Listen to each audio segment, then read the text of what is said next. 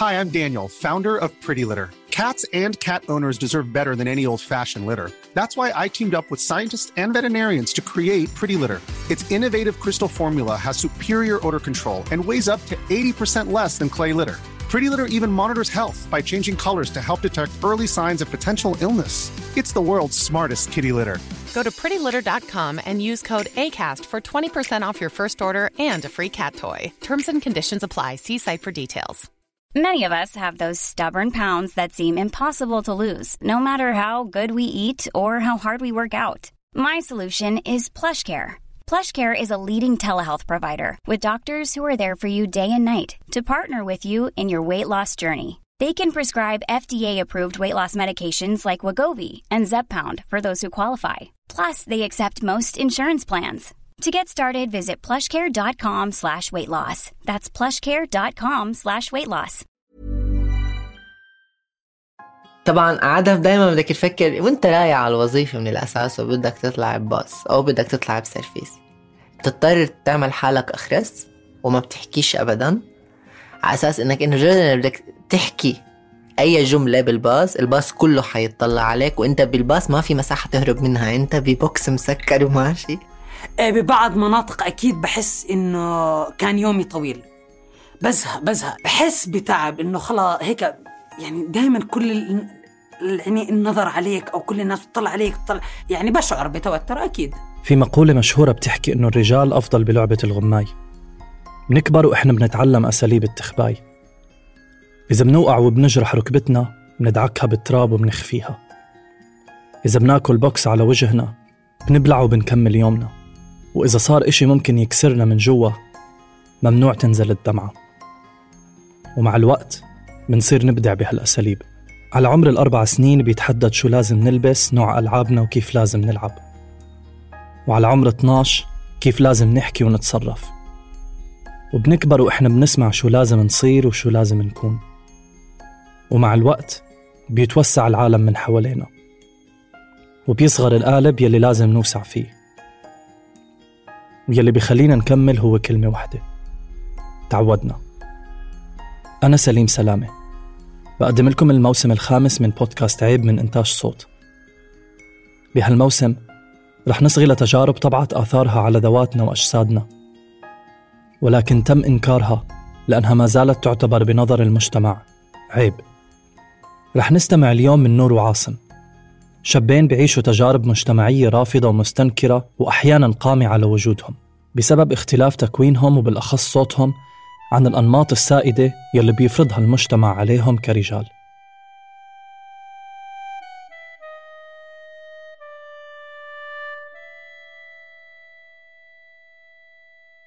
منه أنا صغير كل مرة كنت أطلع على المراية كان يكون في إشي مختلف بالنسبة لإلي.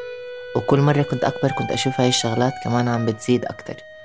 إيه، أوقات كتير بحس إنه يمكن ناقصني خطوتين صغار وبكون شكلي بنت تماما وبكون مقتنع بهذا الموضوع. ما بديش أكون بنت أبدا.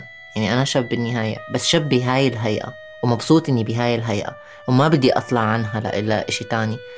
يعني ما بدي عضلات وما بدي أنفخ وما بدي شعر يعبي جسمي وبنفس الوقت يعني ما بدي مثلا آه، أشياء تانية بتدل على إني أنثى كاملة.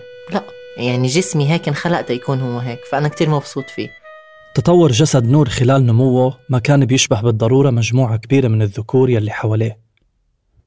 ويلي كانوا بيعتبروه متمسك بإشي مش لازم يعتز أو يفتخر فيه. لمجرد طلعت من باب البناية أول شخص بيصادفك بقعد بيطلع عليك بطريقة غريبة جدا. التاني بيطلع عليك بطريقة أغرب. فبتحكي ببالك هو- عم بتطلع لأنه جسمي جميل ولا عم بتطلع لأنه قرفان من جسمي. بالبداية لأنه كنا صغار كنا نفكر إنه لا هدول الناس عم بتطلع إنهم بيحكوا عنا شغلات حلوة. بتكتشف بالأخير إنه نسبة يعني واحد بالمية عم بحس إنه في جمال بالموضوع والباقي بيكون مشمئز أو مستنكر مش مشمئز إيه، وفي ألف علامة استفهام بتحسهم علامات استفهام ماشي جنبك. فما الناس ما كتير بتكون بتفضل فكرة ال- الأشياء المختلفة حتى لو كانت جميلة. أبدا. المواصفات يلي كان بيشعر نور إنها بتلفت نظر اللي حواليه كانت بمعظم الأحيان إلها علاقة إما بصوته أو هيئته الجسدية. أما عاصم فكانت تجربته مختلفة وبتتركز أكثر بلون البشرة شديدة البياض وبالصوت. وبالوقت يلي المحيط بيدرج في عاصم لفئة الأشخاص الألبينو تعريفه لنفسه ما بيندرج أبدا تحت هذا الإطار. بوصف دائما من ناحية عقلية أكثر من ناحية آه، شكلية. مع أنه الناس هي اللي بتوصف بناحية شكلية. حتى لو بيعرفوني كأنا عاصم بوصفوني بناحية شكلية بأول كلمة الشاب الأشقر مثلا. هي شغلة مش سيئة أكيد. أنا ما أنا ما بشوفها سيئة طبعا. يمكن شغلة صرت صرت صرت أسمعها كثير من ناس يمكن. أه صارت مع يعني مع الزمن انه إنه أكيد أنا يعني عادي. مثل إيش؟ مثلا آه، كثير كثير كثير بعلق إنه ممكن هاي درجة البياض ممكن مرض بفكروها. يعني آه، إنه بيحكوا شوفوا كيف شكله مثلا. أو هذا عربي هيك بطريقة قرف يعني إذا مش إنه إنه هذا عربي هيك إنه ليه شكله هيك؟ شوف شوف هذا كيف شكله. وشوف لونه. يمكن زي كيكة العيد ميلاد لما أكون بمكان الكل بتطلع فيها. فنفس الإشي بدخل بمكان إنه بصفر إنه يعني يعني إنه ممكن ألفت انتباه كل اللي قاعدين بالمكان بغض النظر مطعم شغلة. هذا إذا بدنا نحكي على كبر إذا على صغر أكيد يعني. لما أجي أدخل المدرسة لأول مرة نظرة طلاب الصف أصفن هيك إنه أنا حاسس بتطلع فيا. لما ألف وجه انه إنه شايفين شيء غريب ممكن. يعني أول طالب يمكن عندهم بالمدرسة بشوفوه هيك. المدرسة من الأماكن الأولى يلي بنبدأ نتعرف فيها على حالنا. وبأغلب الأوقات الصورة يلي بتتشكل بداخلنا عن أنفسنا بتكون متأثرة برأي المحيط والمجتمع. ورغم إنه نور كان راضي عن نفسه من جوا إلا إنه استهزاء الآخرين منه اجبره إنه يخبي مشاعره الحقيقية تجاه شو هو فعلا بحس.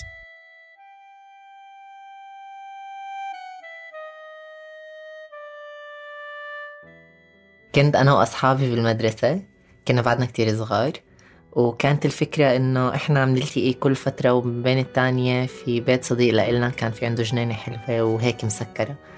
فكان دايما يقولوا لنا نور كتير على بالنا إنه نتسلى أو نلعب. فصارنا من مزح لمزح لمزح وصلوا لفكرة إنه بدهم يلبسوني أشياء بناتية. فلما جابوا شي بنات ولبسوني إياه قالوا كتير بزبط. ردوا جابوا قماش وصار يعملوا فصار يحطوني قدامهم اللي يلبسني واللي مدري يعمل شو. أنا عم بطلع حالي وكتير مبسوط بالمراية. آه لبسوني كمان من جوا عم بحكي بس كان لازم أظهر عكس هذا الشعور إنه أنا ما بدي من أنا جواتي كان كتير بدي. فحكي فيقولوا لي جسمك كتير مثلا إيه، زي البنات بجزء معين. مثلا إنه كتير إيه، إيه، مقسوم نصين بتحسه نص ذكر نص أنثى. هذا الكلام كان بنحكى بقول لهم أنتم مالكم من لا طبعا مش هيك بس أنتم انكم من ده وأنتم لبستوه حتطلعوا زي هيك. يعني كنت أكيد انه نفسه ما حيطلع زي هيك بس أنا ما بدي أبين أنا مبسوط بالموضوع. أنا من جوا عم بطير.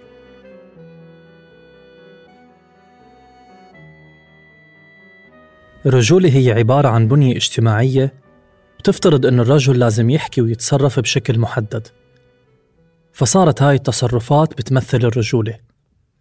عشان هيك معنى الرجولة بيختلف عبر الزمان والمكان حيث أنه يعتبر من غير الرجولي أنه يكشف الرجل عن وجهه في قبائل الطوارق بشمال إفريقيا. بينما كان من الرجولة في القبائل البدوية العربية أنه يطول الرجل شعره ويجدله. هاد بيوضح أنه الرجولة مش إشي فطري بننولد فيه وإنما هو إشي بنتعلمه من المجتمع يلي بيصنعه حسب سياقه الثقافي.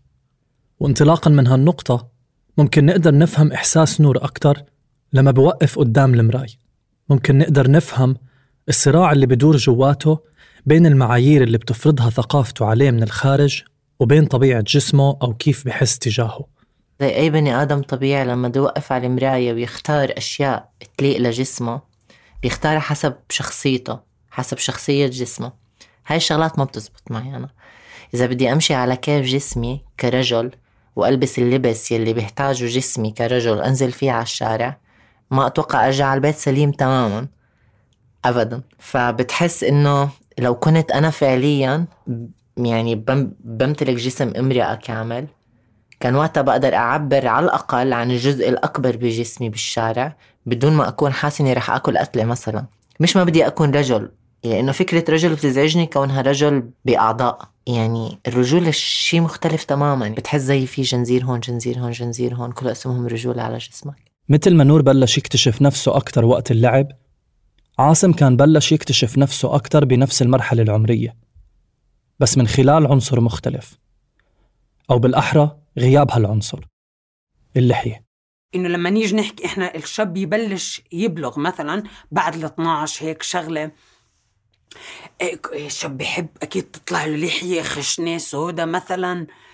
إيه، شعر لونه أسود هيك بنصير إحنا أكيد كل فترة ما بعرف هي بتمر على شباب إنه بصير بيهتم بهاي التفاصيل وبحلق لحيته بحب إنه تطلع له على أساس إنه أنا خلص كبرت وبصير أخشن صوته هيك يحكي بهاي الأمور. فبيهتم الشاب إنه بهاي المراهقة أكيد والبنات أكيد بيهتموا بتفاصيل معينة بتخصهم هم.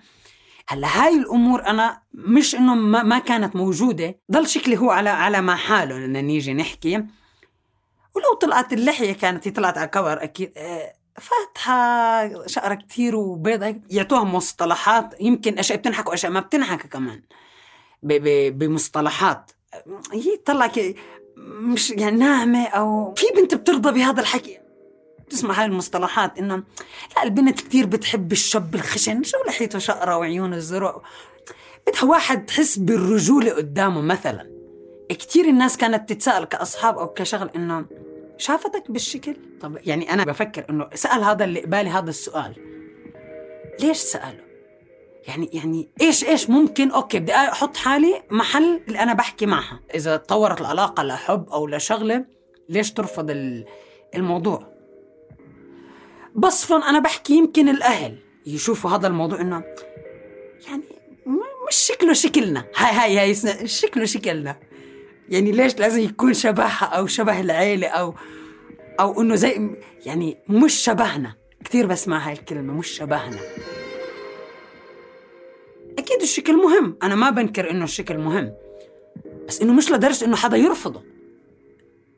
يعني ويرفضه تصفن إنه يرفضه. ليش؟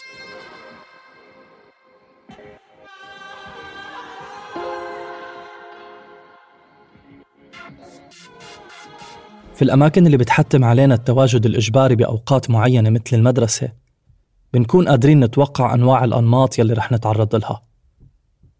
بنصير نعرف من وين مصدرها رح يجي. بتصير الأشياء تتكرر كل يوم مثل الشريط أو الفيلم. لكن هالشريط بينقطع وببلش شريط جديد برا أسوار المدرسة مش معروف شو في جواته.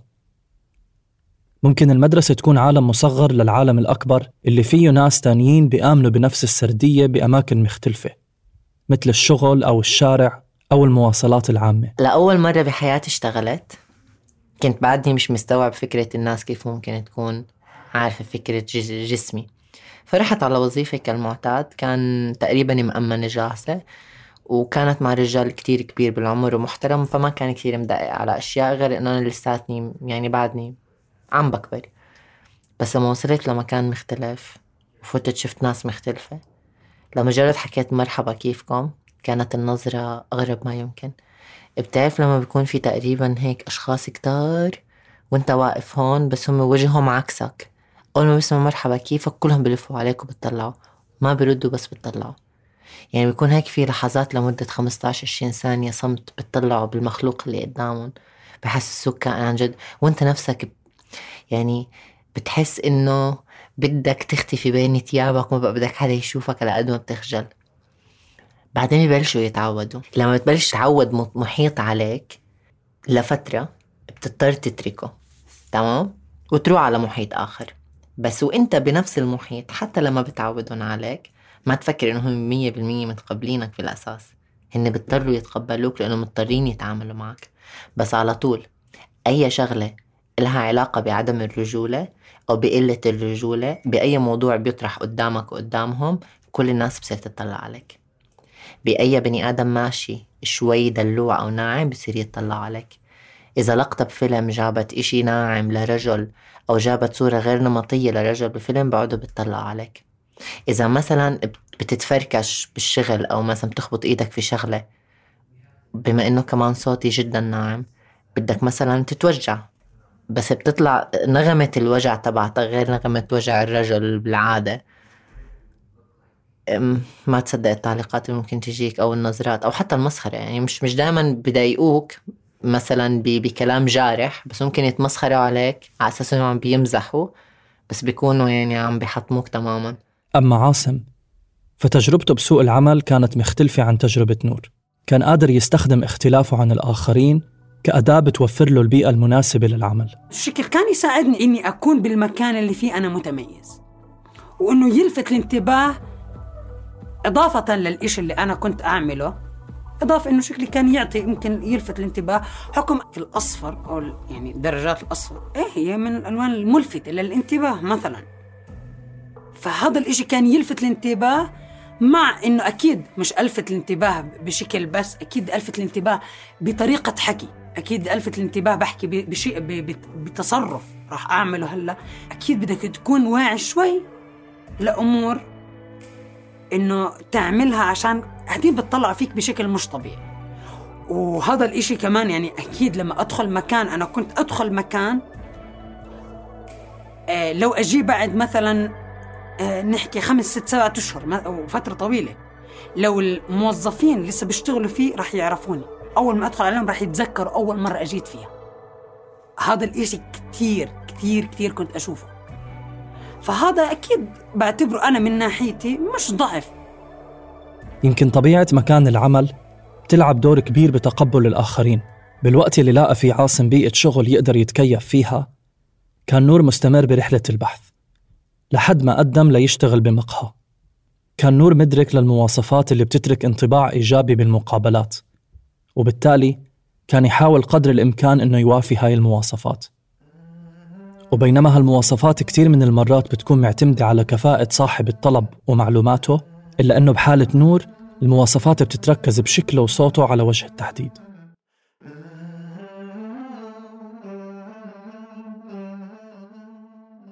قبل فترة اشتغلت في مكان كان لازم أروح على الانترفيو بأول مرة. أول مرة كأني رايحة أتجهز لعرس. آه، نور انتبه آه، صوتك. نور انتبه شكلك. نور انتبه حدد لحيتك واعمل مدري شو هاي الشغلات اللي بيعملوها الشباب. نور انتبه وانت قاعد. نور انتبه وانت قاعد. نور انتبه وانت قاعد. نور انتبه وانت قاعد. يعني كان في كلمة نور انتبه مية مرة على أساس إني أفوت أعمل الانترفيو.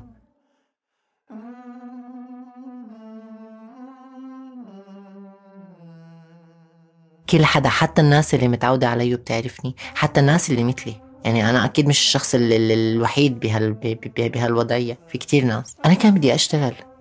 يعني أنت بتوصل لمرحلة بدك بدك تتوظف وأنت عندك إمكانية تعمل. فأنا قعدت هيك. يعني رابط إيدي ورابط رجلي بالأخير طلعت عم بعمل حركات ما بتشبه الرجولة حتى لما بدي أنتبه. طلع لو أنت فكر يعني ينبهوك إنك ما تكون طالع عن نمط الرجولة وأنت عم تنتبه إنك ما تكون بتكون. طريقة الانتباه. لأنك بالنهاية أنت عم بتمثل غير شخصك لما بدك تنتبه. أنا محتاج الوظيفة. لو قال لي بدك تلبس فستان بدي أشتغل. لأنه يعني كنت لازم أشتغل. طبعا طلعت. أنا كنت مشط شعري كتير هيك وكتير عامل شغلات بجسمي مربطيتني كرجل. فجأة بلشت أفكفكها على باب المول. ركبت التاكسي وأنا شوي نور. يعني لو وصلت البيت رجعت نور. طبعا طبعا لسوء حظي. ما طلع interview واحد بهاي الشركة. أربع خمس interview لأنك أنت بدك تصنع قنبلة نووية. مش مش تروح تقدم قهوة للعالم. وافقوا علي بعد فترة. نور كان يعرف تماما شو المواصفات اللي بنظر المجتمع بترافق الرجولة. ويميزها عن المواصفات اللي بترافق الأنوثة. وكان بالبداية يحاول جهده أنه يوافي هالمعايير أو القواعد المجتمعية. كان أول يوم اللي دوام. فتت. مرحبا كيفكم؟ شو أخباركم؟ تمام. وأنا طبعا مرحبا كيفكم؟ شو أخباركم؟ ودوب هيك بحكي بالضبط؟ زي المتحول. وعلى الفاضي ترى ما فاد ابدا. يعني شافوا الموضوع افظع من أنا كنت شفته. شافوني أنا عم بتغنوج. أنا كنت عم بشد. فتنا أول يوم كانوا عم بيحاولوا يعلموني تاني يوم ثالث يوم ما في أسبوع مرق. بلش كل واحد يجي ياخدني على جنب. اللي بيسألني أنت مثل جنسي؟ اللي بيسألني انتبه هذا بيحكي عنك أبصر شو؟ اللي بكتشف إنه هذا بيروح ببعت لي رسالة. أنا لإني بعزك و... وبريدك فأنت دير بالك وشد حالك لأنه المدير متضايق من حركاتك. مع إنه كل ال customers اللي كانت تفوت كانت جدا رضيانة من طريقة التعامل معاهم. بالنهاية هذا كان بدهم إياه الشركة. عم عم بقدم ال drinks زي ما مطلوب وعم بشتغل زي ما هو مطلوب. انت شو بدك فيه؟ كيف بكون؟ يعني انت ليه كثير مدقق على شخصي أكثر مدقق على الإشي اللي بعطيك إياه. انت بدك النتيجة. النتيجة مش عندي النتيجة باللي عم بعمله. فبلشوا على موضوع المسخرة. فكان كتير يجي عنا ناس جايز مثليين جنسيين أو ليزبيانز كانوا قدامي يحكوا كلام عنهم كتير بشع كتير بشع. وأول ما يحكوا عنهم كلام بشع يطلع علي يعني إنه الكلمة إلك يعني مباشرة. وبالرغم من محاولة نور الالتزام بالمعايير والقواعد المجتمعية داخل بيئة العمل إلا انه الموظفين كانوا بيعطوا أنفسهم الحق بالتطرق لميوله الجنسية من دون ما هو يقرر الإفصاح عنها. وكأنه الشكل والهيئة دليل قاطع على ميول الأشخاص. وهاد كان نوع تاني من الإقصاء يلي كان يتعرض له نور. تجربة عاصم ونور كانت مختلفة ببيئة العمل لكنها كانت شبه مطابقة ببيئة الشارع وبالتحديد بالمواصلات العامة. طبعا عادة دايما بدك تفكر وأنت رايح على الوظيفة من الأساس وبدك تطلع بباص أو بدك تطلع بسيرفيس بتضطر تعمل حالك أخرس وما بتحكيش أبدا على أساس إنك إنه بدك تحكي أي جملة بالباص الباص كله حيطلع عليك وأنت بالباص ما في مساحة تهرب منها. أنت ب box مسكر وماشي. فأنت غصب عنك رح تضلك تطلع هاي النظرات لأنه دائما في بكون في نسوان كبار وكذا فبكون في احترام شوي لإلهم مش لإلي أكيد عشان إذا بدهم يضايقوني حيضايقوني أكيد. بس هو لأنه موجودة هاي ما بضايقوني قدامها عشان هي ما تنزعج. مثلا أو الفلان تاني ما ينزعج مش ما انزعج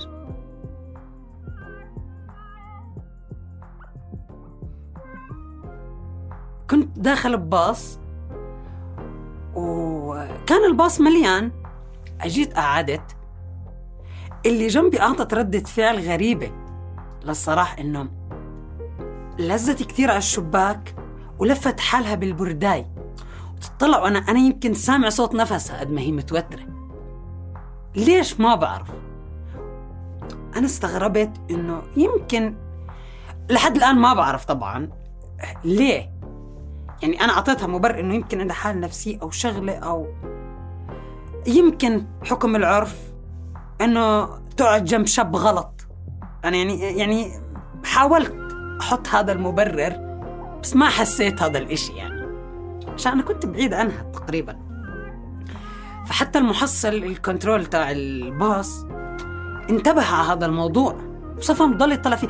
يمكن تحركشت فيها. هيك يمكن يمكن هيك وصلوا التفكير إنه تحركشت فيها إنه قاعدة قاعدة مش طب... مبين إنه مش طبيعية. كل مرة بطلع بالباص بدي أحكي لشوفير الباص نزلني أو ما بقدر أحكيها أنا لأني مرة حكيتها وجربت شو صار. يعني صار إشي كتير بشع. فصرت أدق أي حدا جنبي أقول له نزل لمرة دقيت مرة قلت لها معلش تقولي له نزلني أنا صوتي مبحوح مش عارفة أطلع صوتي. يعني مش عارفة أقول له نزلني بصوت عالي. حتى لو خشنت رح يطلع كتير غريب الموضوع. فأنا قد ما بقدر بحاول أتفادى فكرة المواصلات تماما إلا إذا كان تاكسي أو أمشي. لأنه شخص واحد فيك تتعامل معه بس مجموعة كبيرة فيك تتعامل معه.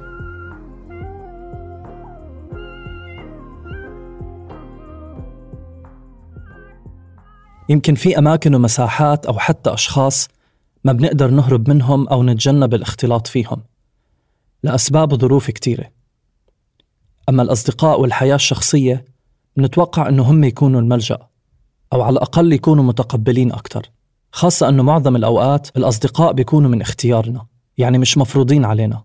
لكن بالنسبة لعاصم ونور النتيجة كانت بأغلب الأحيان مشابهة حتى بهاي الظروف. إيه، أطلع مع أصحابي. يصيروا يسألوا أصحاب أصحابي مين الشاب اللي كان معكم؟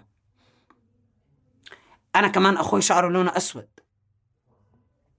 ممكن لما أطلع مع أخوي ومع أصحابه هذا أخوك معقول؟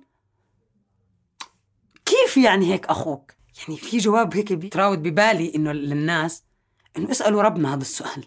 يعني هيك يعني يعني إنتوا اسألوا ربنا بهذا الموضوع. لما لما إن شاء الله بعد عمر طويل الله ياخذكم إنه تروح تسألوا هذا السؤال. إنه قد ما الواحد بينرفز يعني أنا ما اخترت أي إشي وأنت كمان الشخص اللي بتسأل انت ما اخترت إشي بشكلك. فاسأل السؤال إلك قبل بعدين يجي يسألني هالسؤال اسأل حالك. ليش ربنا مثلا خلق لون عيونك هيك؟ ليه خلق حجم أنفك هيك؟ ليه طولك هيك؟ رح تعرف جواب سؤالي إلك. ولما كثرت التساؤلات وزادت الشكوك بالثقة بالنفس كانت عائلة عاصم موجودة معاه من طفولته رغم إنه كتير أشخاص بيفتقدوا لهالمصدر المهم من الدعم. هلا إحنا بالبيت عنا عندي أختين شقر وعندنا أخ شعره أسود. فما عمره أهلي حسس جد حسسونا إنه إحنا مختلفين عن المجتمع. بالعكس ما عمري بتذكر أبوي أو أمي مسكوني وحكوا لي إنه إذا صار معك موقف هيك أو أو تعرضت لإشي اعمل هيك أو. بالعكس مش بس أهلي كمجتمع العيلة كامل بالعكس ما عمر ما ما عمرنا حسين إنه إحنا مختلفين عن أولاد خالي أولاد عمي أو ما, ما بعرف يمكن إحنا بيئتنا هيك. لكن مش دائما بيكون في حوالينا أشخاص يذكرونا ويقووا ثقتنا بنفسنا. وبتصير التصرفات الناتجة كردة فعل عنصر إضافي بعملية الإقصاء. أنا لما أكون عم بحاول أكون شخص تاني 24 ساعة فمش حركز على شخصيتي اللي لازم أطلعها. فحكون إنسان مش حقيقي بالبداية ولا بالنهاية. بحس إن ثقتك بنفسك قليلة لأنك أنت عم تطلع نظرة مش المفروض هلأ يطلع عليك فيها. هم بعدهم ما عرفوك. حتى جملك ما بتقدر تكملها. وأنت عم تحكي على قد ما بتصير سخيف. عم تحكي بجملة معينة أو بموضوع معين. بنص الموضوع أو بأول الموضوع بتلاقي حالك شتات لأنك عم ركزت على نظراته عليك. مثلا طلع على رجليك انهم مثلا قعدتهم زي البنات بتقوم بتركز قعدتك. فبصير بتركز على على البادي لانجوج تبعك أو على صوتك والتون تبع صوتك أكثر ما بتركز على زبدة الموضوع اللي بدك تحكيها.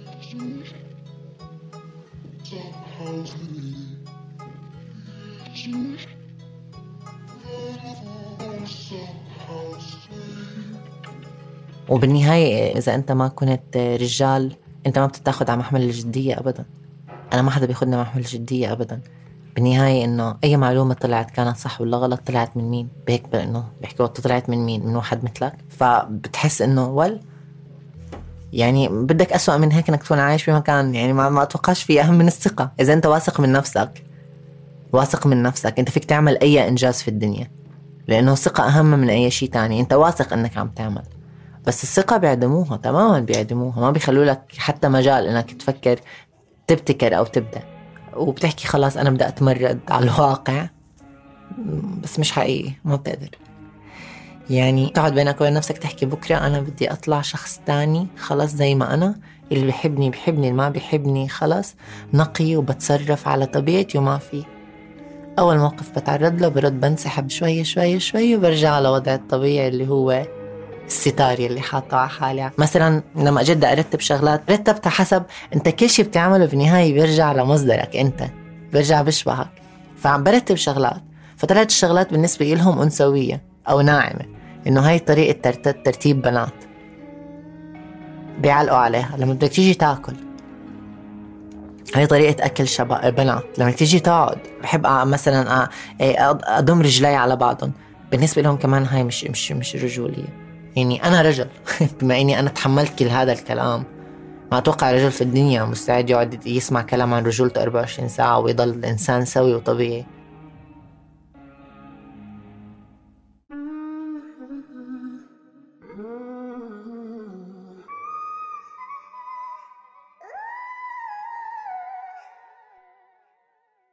نور وعاصم كانوا يسمعوا أن النساء أكثر تقبلا من الرجال ولكن تجاربهم أثبتت أن النساء كمان ممكن يكونوا أدوات قمعية بإيد المنظومة الذكورية ذاتها يلي بتقمع نساء أخريات أو الأجساد اللانمطية.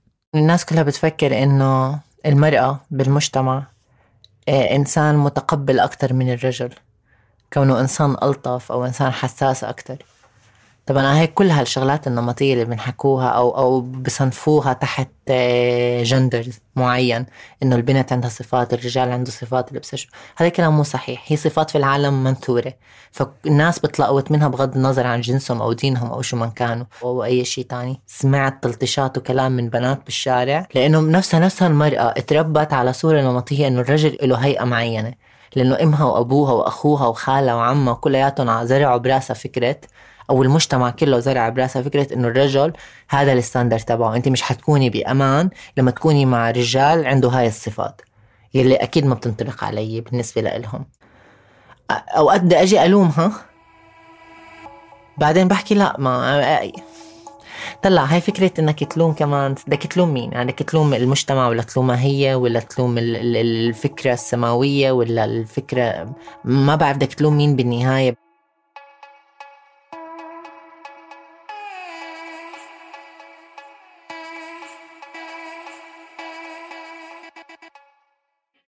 ما عمري حسيت إنه إنه بينا تفكر آه، مشيت معه وحكينا لفترة معينة أو أو الحب يعني هو بشكل عام توقف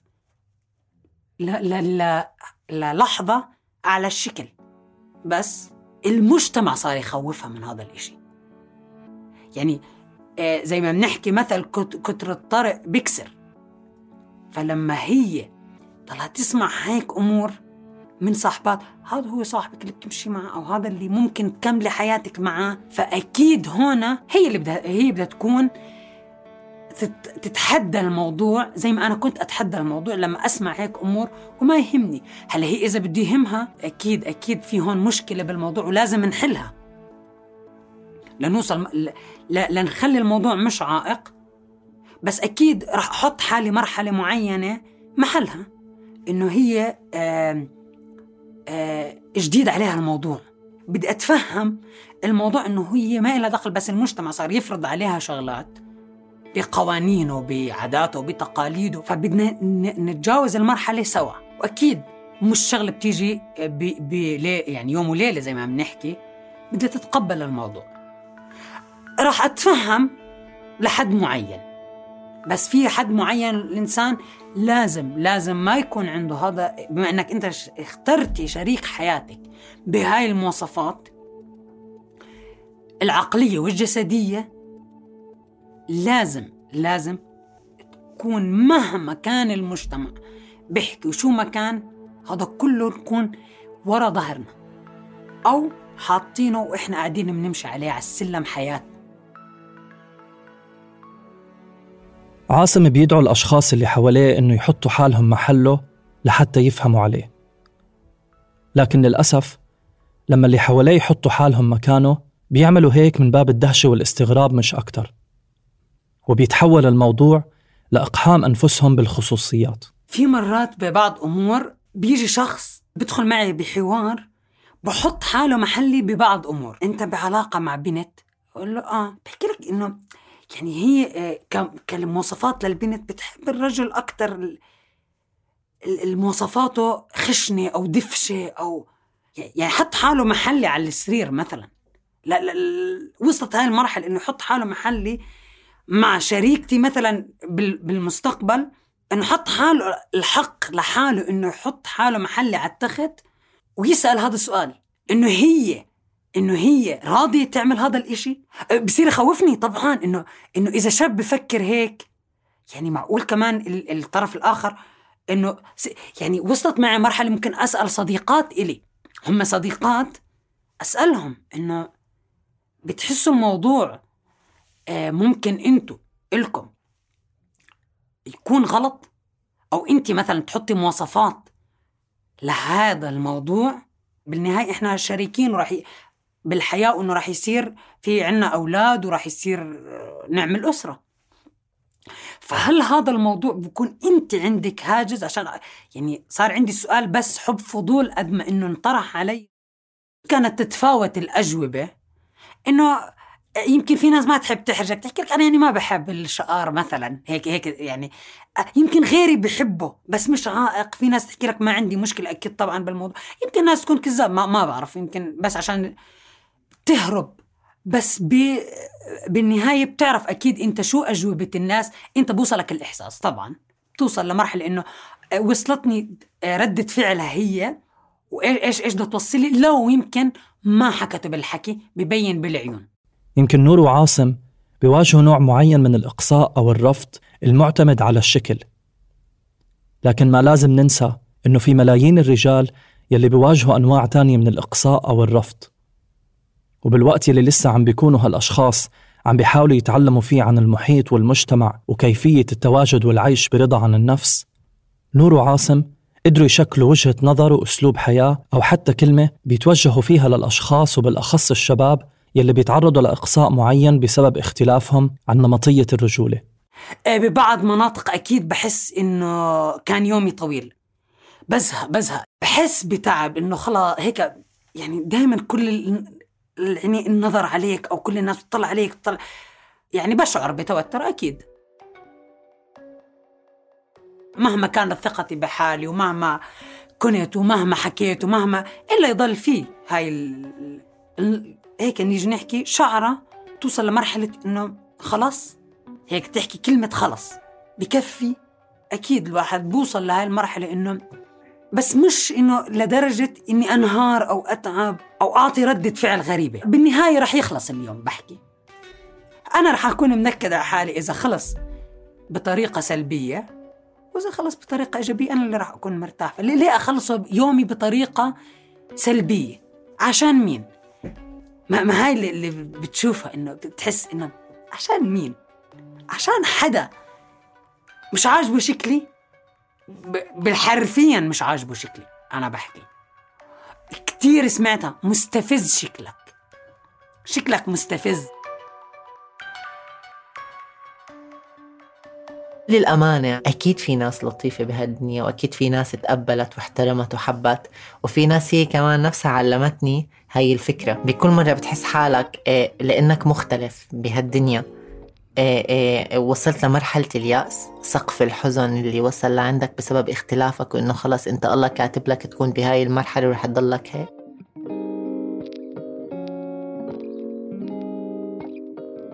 بس كل ما عليك تعمله لما تحط راسك على المخدة وتفيق تاني نهار الصبح يكون عندك أمل بسيط جدا إنه اليوم حتلتقي بشخص من ضمن مليون شخص تاني بضايقك حيقول لك جملة أنا متأكد لأن أنا بكل يوم كان يصير معي هيك.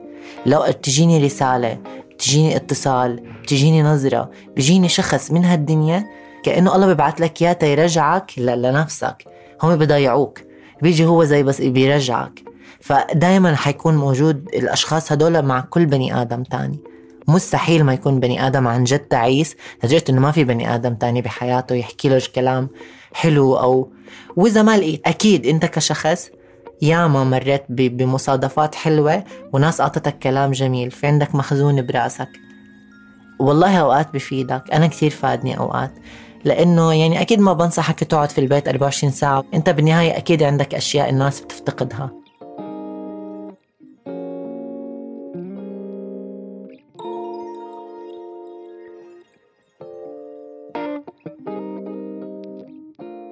كنا معكم من الإعداد والتقديم سليم سلامة. من الهندسة الصوتية ماهر ملاخ من التحرير والإخراج الموسيقي تالا العيسى النشر والتوزيع تولته مرام النبالي وجنى قزاز وشارك بإنتاج هالموسم فريق صوت نتلاقى بالحلقة الجاي والأخيرة من هالموسم من بودكاست عيب